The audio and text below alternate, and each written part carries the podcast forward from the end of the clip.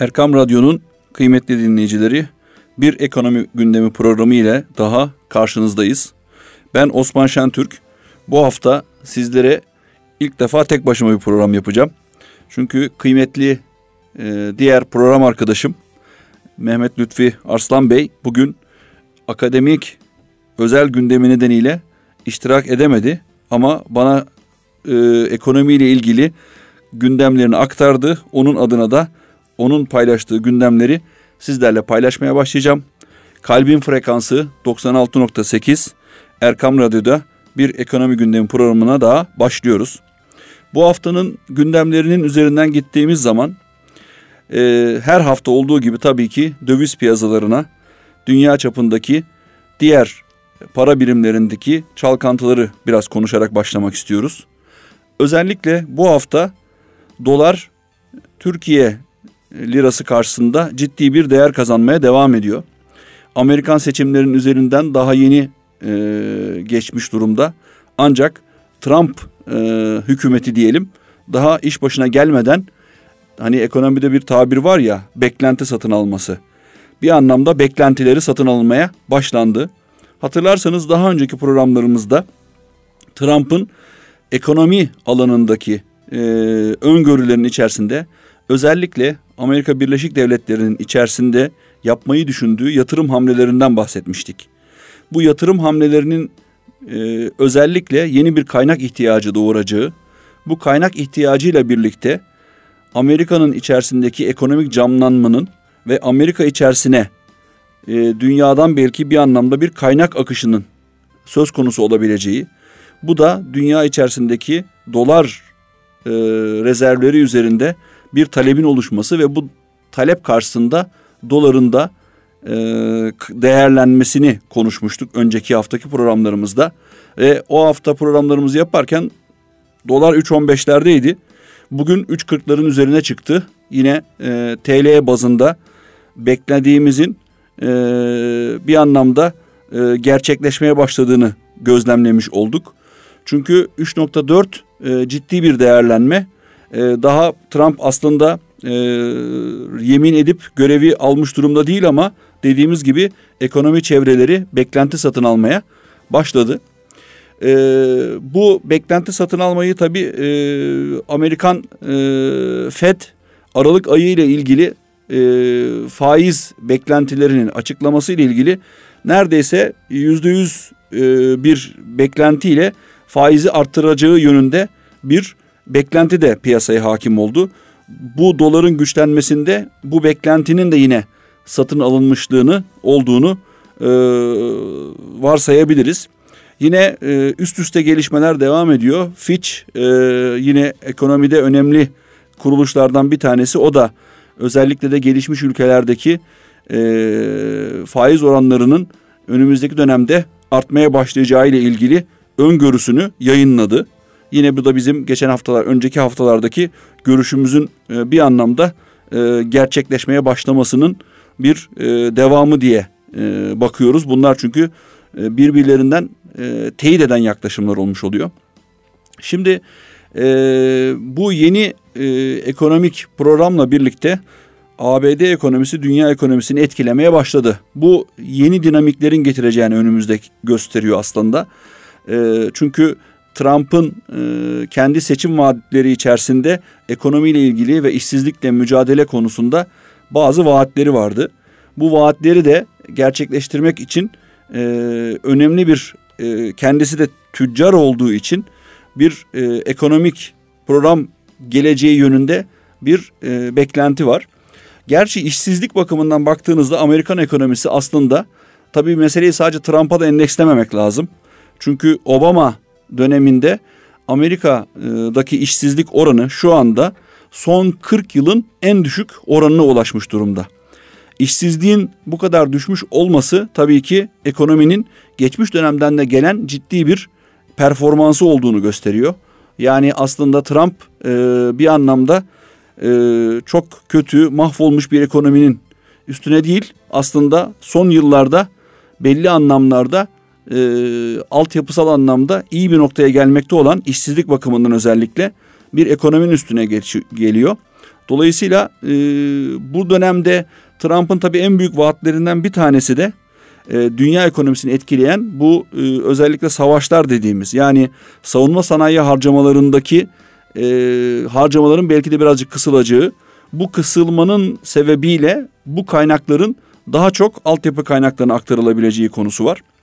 Şimdi burada ben meseleyi hep tabii böyle konuşunca bazen e, programı dinleyen arkadaşlarımızdan e, eleştiriler de oluyoruz. Ya amma çok Trump konuşuyorsunuz, Amerika konuşuyorsunuz diye ama tabii dünyayı çok etkilediği ve ekonomik yapıları etkilediği için bunları konuşuyoruz. Öncelikle bunu tekrardan e, belirtmekte fayda var. Şimdi buradan e, konuyu alıp gene bizim kendi yorumlarımızı eklemek istiyoruz. Özellikle e, burada e, ekonomi sistemlerinde potansiyellerin kullanılması konusunu ben bugün biraz işlemek istiyorum. Çünkü e, Trump'ın seçim vaadinin zafer konuşmasında çok önemli bir şey vardı. Diyor ki biz diyor potansiyellerden diyor daha hayata geçirilmemiş potansiyelleri bulup bunları ekonomiye kazandıracağız. Bu aslında e, bir tüccarın e, tabiri caizse basiretli, ferasetli bir tüccarın yapması gereken en önemli belki de fonksiyon.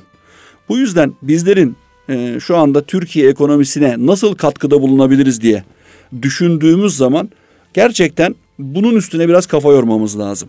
Yani bulunduğumuz ortamda, bulunduğumuz sektörde, iş kolunda, iş dalında veyahut da meslekte gerçekten tam anlamıyla kullanamadığımız potansiyeller neler?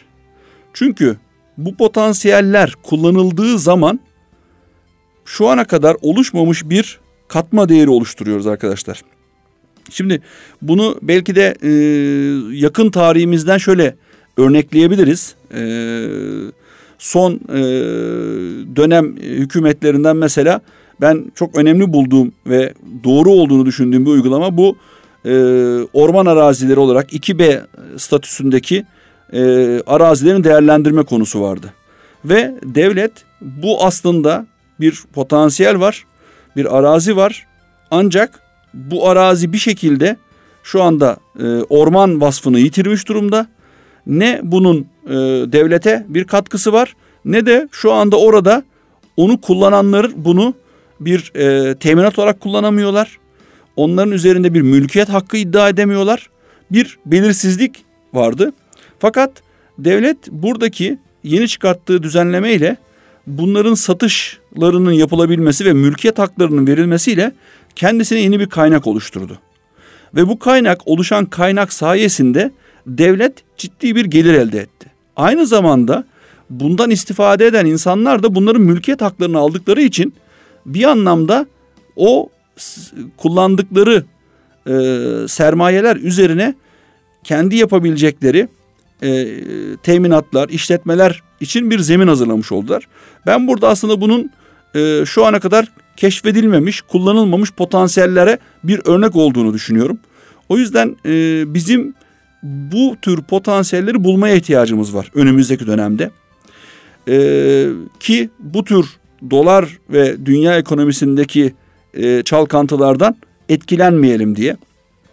Şimdi e, diğer bir konu da tabii bu e, ekonomi e, anlamında e, düşük faiz politikalarının önümüzdeki dönemde Amerika içerisinde başlıyor olması yine dediğimiz gibi Amerika'ya belli bir parayı e, çekecek anlamına geliyor.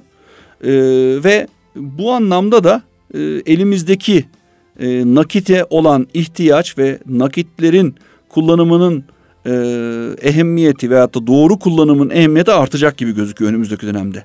O yüzden belki de yine bugün ekonomi programımızda dinleyicilerimize tavsiye edebileceğimiz bir şey önümüzdeki dönem nakit yönetimlerimize birazcık daha dikkat etmemiz gerekiyor. Bu nedenle de yatırımlarımızı yaparken e, likiditemizi yani elimizdeki nakit akımını dikkate alarak hareket etmemiz lazım.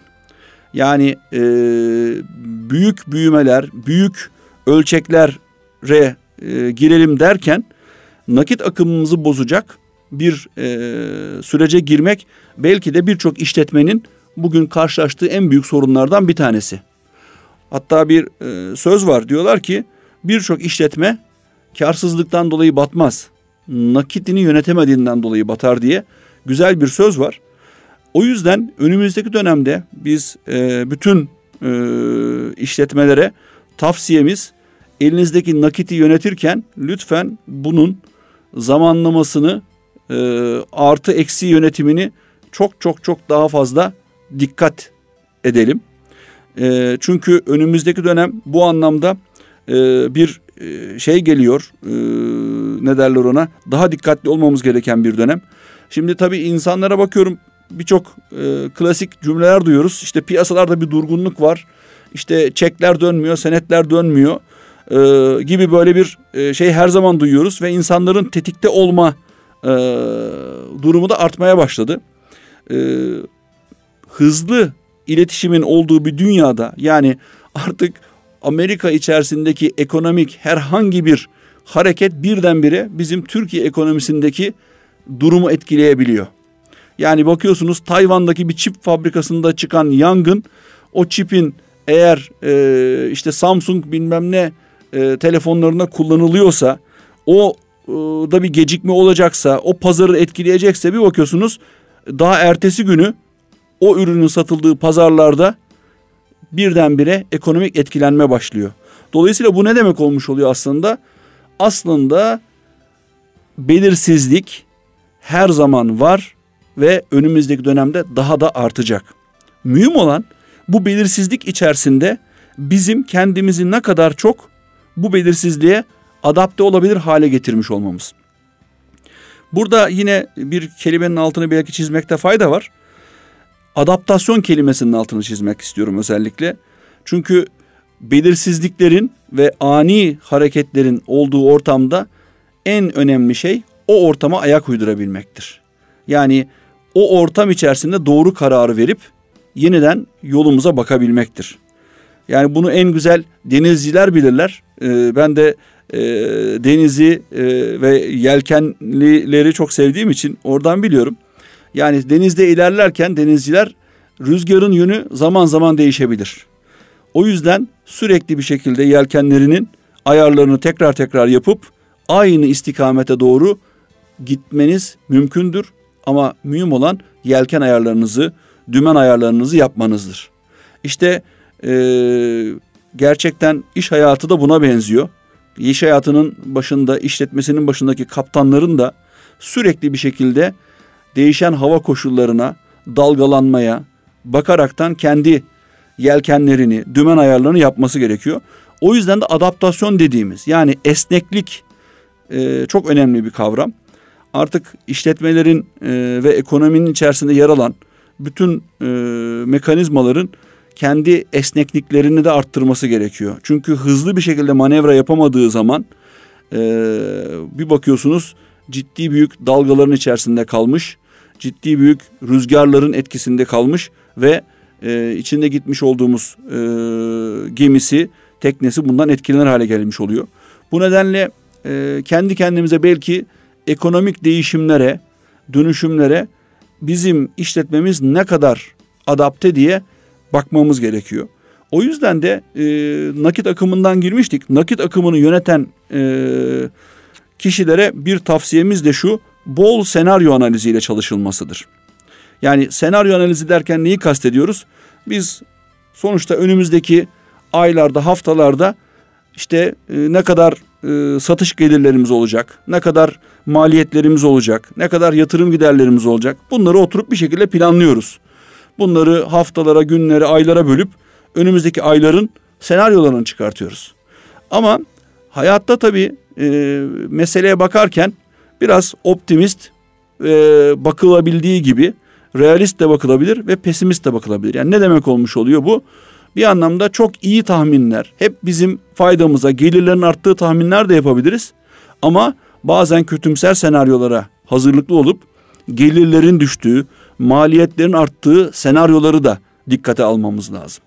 O yüzden nakit akım senaryolarını yapan e, işletmelerimize, e, dinleyicilerimize bu konunun altını tekrar çizmek istiyoruz. Senaryo analizlerinizde lütfen sadece optimist, realist değil, aynı zamanda pesimist yani olası kötü senaryoları da dikkate alalım. Ki önümüzdeki dönemin bu tür e, olası ani hareketlerinde adaptasyon sıkıntısı çekmemiş olalım. Şimdi bu konuda tabii nakiti yönetirken önemli başlıklardan bir tanesi de yatırımın yönetilmesi. Çünkü yatırımlara baktığınız zaman genellikle yatırımlarda e, vadeler önemli oluyor. Birçok e, yatırımı e, baktığınızda hep geri dönüşüne bakarız. Yani bu yatırımı acaba ben iki yılda mı geri alırım, beş yılda mı geri alırım? Yoksa bu bir gayrimenkuldür. Bunlar on yıl, on beş yılda mı geri gelir?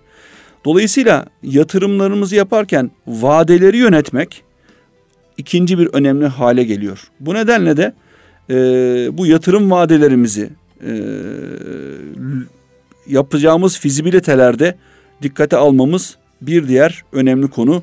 Bu dönemin içerisinde en çok dikkat edeceğimiz konu e, ve mümkün olduğu kadar da tabii e, yatırımlarımızın bizim nakit akımlarımızı bozmayacak şekilde daha az yükler getiren ama daha uzun vadelere yayılmış olmasını tercih etmeye çalışmamız lazım. E, bu da yine bu dönemle ilgili e, önereceğimiz aktivitelerden bir tanesi. Evet, biraz dolar piyasalarından bahsettik. E, dünya ekonomisiyle ilgili e, öngörülerimizden bahsettik ve e, önümüzdeki döneme hazırlanmak konusunda, adaptasyon konusunda olası ani hareketlendirmelere nasıl esnek bir şekilde hazır olabiliriz kısmını konuşmuş olduk ve ekonomik potansiyelleri nasıl ortaya çıkartabiliriz ile ilgili e, bazı örnekler vermeye çalıştık. Tabii bu arada ikinci bir boyut da bizim Türk ekonomisi içerisinde e, biliyorsunuz Avrupa Birliği ile olan ilişkilerimiz meselesi var. Her zaman olduğu gibi Avrupa Birliği ile ilişkiler e, güzel günlerini yaşadığı gibi zor günlerini de yaşayabiliyor. E, şu sıralar biraz e, özellikle de mültecilerin iadesi süreciyle başlayan e, durumdan sonra Türkiye ile Avrupa Birliği arasında ciddi bir e, gerginlik süreci e, yaşanmaya başlandı ve bu e, gerginliğin içerisinde tabii olası ekonomik gelişmeler de takip etmemiz gereken işlerin başına geliyor. Tabii burada en önemli konulardan bir tanesi şimdi biliyorsunuz İngiltere'nin Avrupa Birliği'nden ayrılma kararı almasıyla birlikte işte Brexit dedikleri yani İngiltere'nin Britanya'nın oradan e, çıkmasının anlamına gelen kelime bayağı yaygınlaştı. Şimdi de Türk exit diyorlar. E, yani Türkiye'de acaba Avrupa Birliği e, yolunda e, böyle bir şey mümkün olur mu diye. Şimdi ben aslında bu konu ilk gündeme açıldığı zaman ilk aklıma gelen şu oldu. Pazarlıklarda elinizde alternatifiniz varsa o kadar güçlü olursunuz. Eğer alternatif üretemediğiniz zaman maalesef hiçbir şekilde pazarlıkta yapamazsınız. Pazarlık dediğimiz şey sonuçta karşınızdaki e, kişiyle yapacağınız alışverişte kendi e, menfaatlerinizle karşınızdakinin haklarını korumaya çalışıyorsunuz. Ama en nihayetinde sizlerin ve karşının karşılıklı bir e, uzlaşması söz konusu. Burada gördüğümüz şey şu ki biz eğer kendimize alternatiflerimizi üretmediğimiz zaman yani Avrupasız bir hayat mümkün değil diye kendimizde yola çıkarsak biz hiçbir zaman için buradaki müzakerelerden kazançlı çıkan taraf olamayız. Bu nedenle burada belki e, Türk exit gibi kavramlar tartışılırken şunu hep düşünmemiz lazım. Alternatiflerimiz neler? Yani bizim eğer Avrupasız olur mu, olamaz mı tartışmak için en doğru belki de yol kendi alternatiflerimizi üretmemiz gerekiyor. İşte bu noktada da geçmişte biliyorsunuz işte Rusya ile veyahut da eski Sovyet Cumhuriyetleriyle girdiğimiz işbirliktelikleri, işte zaman zaman şimdi geliyor Orta Doğu ile birlikte yapabileceğimiz işbirliktelikleri, farklı işbirlikteliklerinin aranması çok önemli bir kavram aslında bu süreç içerisinde. Eğer buralarda başarı elde edersek muhtemelen Avrupa Birliği süreçlerinde de e, arzu ettiğimiz müzakere başarısını elde edebiliriz e, diye düşünüyoruz. E, ama bu durumun dediğimiz gibi e, süreci önümüzdeki dönemde yapılacak olan müzakerelerin kalitesine bağlı. E, bu noktada da e, hükümetimize başarılar diliyoruz açıkçası. Şimdi e, Türkiye adına burada e, pazarlık gücün artması için en önemli belki de e, güçlerden bir tanesi güçlü bir ekonomi olabilmek. Güçlü ekonominin tabi temelleri neler diye baktığınızda e, hem üretimiyle hem tüketimiyle kendi içerisinde bir akışın olduğu, bir döngünün olduğu ekonomiden bahsediyoruz. Yani eğer kendi içerisinde zayıf bir ekonomiyseniz e, maalesef demin dediğimiz gibi e, müzakere ettiğiniz topluluklar karşısında gücünüzü kaybedebiliyorsunuz. Türkiye Avrupa Birliği açısından aslında çok büyük bir pazar olarak görülüyor. Sonuçta 70 milyon 80 milyon nüfusu olan bir ülke ve ekonomik geliri kişi başı milli geliri 10 bin doların üzerine çıktığı zaman onların gözünde çok büyük bir pazarız aslında biz.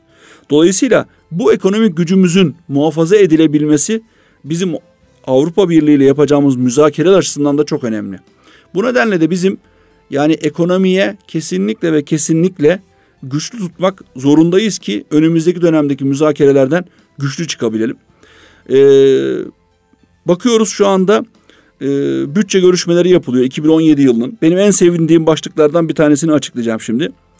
E, bu yılki 2017 e, mali bütçesinde tarım e, konusunda yapılacak yatırımları 11.6 milyar Türk lirasından 12.8 milyar Türk lirasına çıkarıldığını gözlemledim ve bundan çok memnuniyet duydum. Çünkü e, bu devletin vereceği destekler hem e, hayvansal üretim hem bitkisel üretimde bence çok önemli. Çünkü bunlar direkt yurt içi üretimleri e, temsil ediyor. Yurt içi üretim hem yurt içinde tüketimi hem de ihracat bakımından düşünüldüğü zaman ülkenin dış ticaret açığına ciddi anlamda destek olan yani kendi üretiminden geldiği için dış ticaret açığını azaltan bir faktörü var. Ve e, demin bahsettiğim gibi kullanmadığımız potansiyeli ortaya çıkartan bir şey. Yani Türkiye'nin baktığımız zaman tarım topraklarında ve ekilebilir alanlarının kullanılmıyor olması benim gözümde aslında kullanılmamakta olan bir potansiyeldir. Hani Trump örneğini verdik ya Amerika'da geliyor ve diyor ben e, şu anda kullanılmayan potansiyeller hayata geçireceğim diyor. Ben buradan şöyle ümitleniyorum. Çünkü benim gözümde Türkiye'de e, özellikle de tarım sektöründe kullanılmayan ciddi bir e, varlığımız var. Verimli topraklarımız var. Ancak bunlar yeteri kadar verimli bir şekilde işletilemediği için maalesef yani e, tam anlamıyla kullanılamıyor. Burada bir bizim potansiyel kaybımız var. E, bu 12.8 milyar TL'lik öngörülen destekleme programının e, ben çok önemli olacağını düşünüyorum. Çünkü bu tür destek programları biliyorsunuz aslında bir e, katalizör rolü oynamak için veriliyor. Belki 12.8 milyarla verilecek destekle 50 milyarlık 100 milyarlık bir ekonomiyi harekete geçirmeye çalışılıyor burada. E, ve bu tarım konusu hem yurt içinde hem yurt dışında bizim açımızdan e, gelecekte büyüme potansiyeli olan bir e, ekonomik değerdir diye e, düşünüyoruz. Hatta bunu neden bu konudaki yatırımı e, önemsiyoruz? Çünkü e, 2050 yılıyla ilgili dünya nüfusuyla ilgili yapılan projeksiyonlarda dünya nüfusunun 9,5 milyar e, kişi olması öngörülüyor. Bakın bu çok önemli bir şey. Şu anda 6-7 milyar olan nüfus 9,5 milyara çıkıyor. Mesele sadece mevcut e, tüketim değil bir de ciddi bir e, talep artışı var önümüzdeki dönemde. O yüzden e, tarım konusundaki yapılacak yatırımlara e, ya bu eski bir sektör e, katma değeri düşük bir sektör olarak bakmamak lazım. Önümüzdeki dönemde talebi olan bir sektör olduğunu dikkate almamız gerekiyor. Bunları söyledikten sonra tekrardan bu e, dünya ekonomisiyle ilgili e, bir e, veriyi daha paylaşmak istiyorum.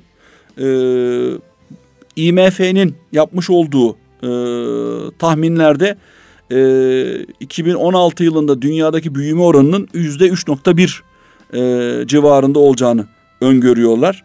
E, tabii gelişmekte olan ülkelerdeki büyüme oranlarını da genellikle birazcık daha geriye doğru çekiyor e, uzmanlar. Bunun da ben sebebinin bu doların güçlenmesiyle birlikte o ülkelerdeki olası ekonomik yavaşlamalardan dolayı duydukları endişe olduğunu düşünüyorum. Tekrardan altını çizmek istiyorum. Bizler buna kendi ülkelerimizde müsaade etmemeliyiz. O yüzden de e, daha önceki programlarımızda söylediğimiz şeyi tekrar ediyorum. Bu sermaye hareketlerinden etkilenmemek için kendi sermayemizi oluşturalım ki bu büyümelerde e, arzu ettiğimiz trendleri yakalayabilelim.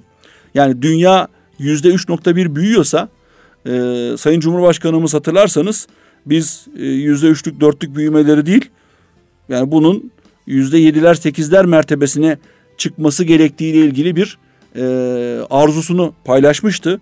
Eğer hükümet programlarında gerçekten bunlar e, hedeflenebilirse, formüle edilebilirse e, bize yakışanı bu olur diye e, düşünüyorum e, bu süreç içerisinde. Evet programı e, yeni açmış olanlar için e, tekrardan e, tekrar etmekte var fayda var. 96.8 Kalbin Frekansı Erkam Radyo'da ben Osman Şentürk ekonomi gündemiyle ilgili e, yorumlarımızı paylaşıyoruz bu programımız içerisinde. Tabii e, içinde bulunduğumuz hafta e, bu ekonomi gelişmelerinin yüksek çalkantıların olduğu bir hafta oldu. O yüzden e, bu haftaki gündemimizde birazcık daha yine e, dolar e, ve döviz piyasaları ile ilgili e, paylaşımlarda bulunduk. E, ekonomik büyüme ile ilgili Amerika'nın e, ve e, işte Atlantik ötesi ülkelerdeki e, beklenen gelişmeleri paylaşmış olduk e, bu programımızda. Evet şimdi bu arada Lütfü Bey yokken e, yalnız program yapmanın da bayağı bir zor olduğunu e, hissettiğimi tekrardan paylaşmış olayım. Çünkü e, Lütfü Bey ile birlikte program yaparken yani birbirimizin söylediklerinden e, tekrardan bir e, ilham olup e, hemen bir e, aklımıza yeni gelen bir şeyi paylaşabiliyoruz. Demek ki bu vesileyle hani e, diyorlar ya takım çalışması e, her zaman için e, çok daha verimlidir diye bir elin nesi var iki elin sesi var e, konusundaki yaklaşımı e, ne kadar doğru olduğunu e, gözlemlemiş oluyorum. Halbuki önceki programlarda bazen böyle o kadar heyecanlanıyorduk ki başlıkları konuşurken birbirimizin sözünü kesmeye çalışıyorduk. Dur ben söyleyeceğim, dur ben söyleyeceğim. E, demek o zaman çok istemişim. Şimdi bütün program, radyo programının saati bana kaldı diye ne diyeceğimi e, şaşırmaya başladık. Lütfü abimizi de özlemeye başladık bu programımızın içerisinde. E, inşallah önümüzdeki hafta Lütfü Bey ile birlikte tekrardan bir program yapmak nasip olur diyerekten bu dileğimizi de siz sevgili dinleyicilerimizle paylaşmış oluyoruz. Evet bu hafta Lütfü Bey olmadığı için e, birazcık e, benim de performansım düşük geçti ama e, yine de elimden geldiğince, dilim döndüğünce sizlere bu haftanın önemli ekonomi gündemlerini aktarmaya, kendi gözlemlerimizi paylaşmaya çalıştık. Umuyoruz ki önümüzdeki hafta daha güzel ekonomik gündemlerle sizlerle bir araya geliriz. Hepiniz sağlıcakla kalınız. Bu arada tekrardan unutmadan ekonomi gündemi olarak Facebook ve Twitter'da bizlere yorumlarınızı, sorularınızı ve önerilerinizi paylaşabilirsiniz. Bunu da hatırlatmış oluyoruz. Hepinize hayırlı, güzel bir hafta diliyoruz. Saygılar, selamlar.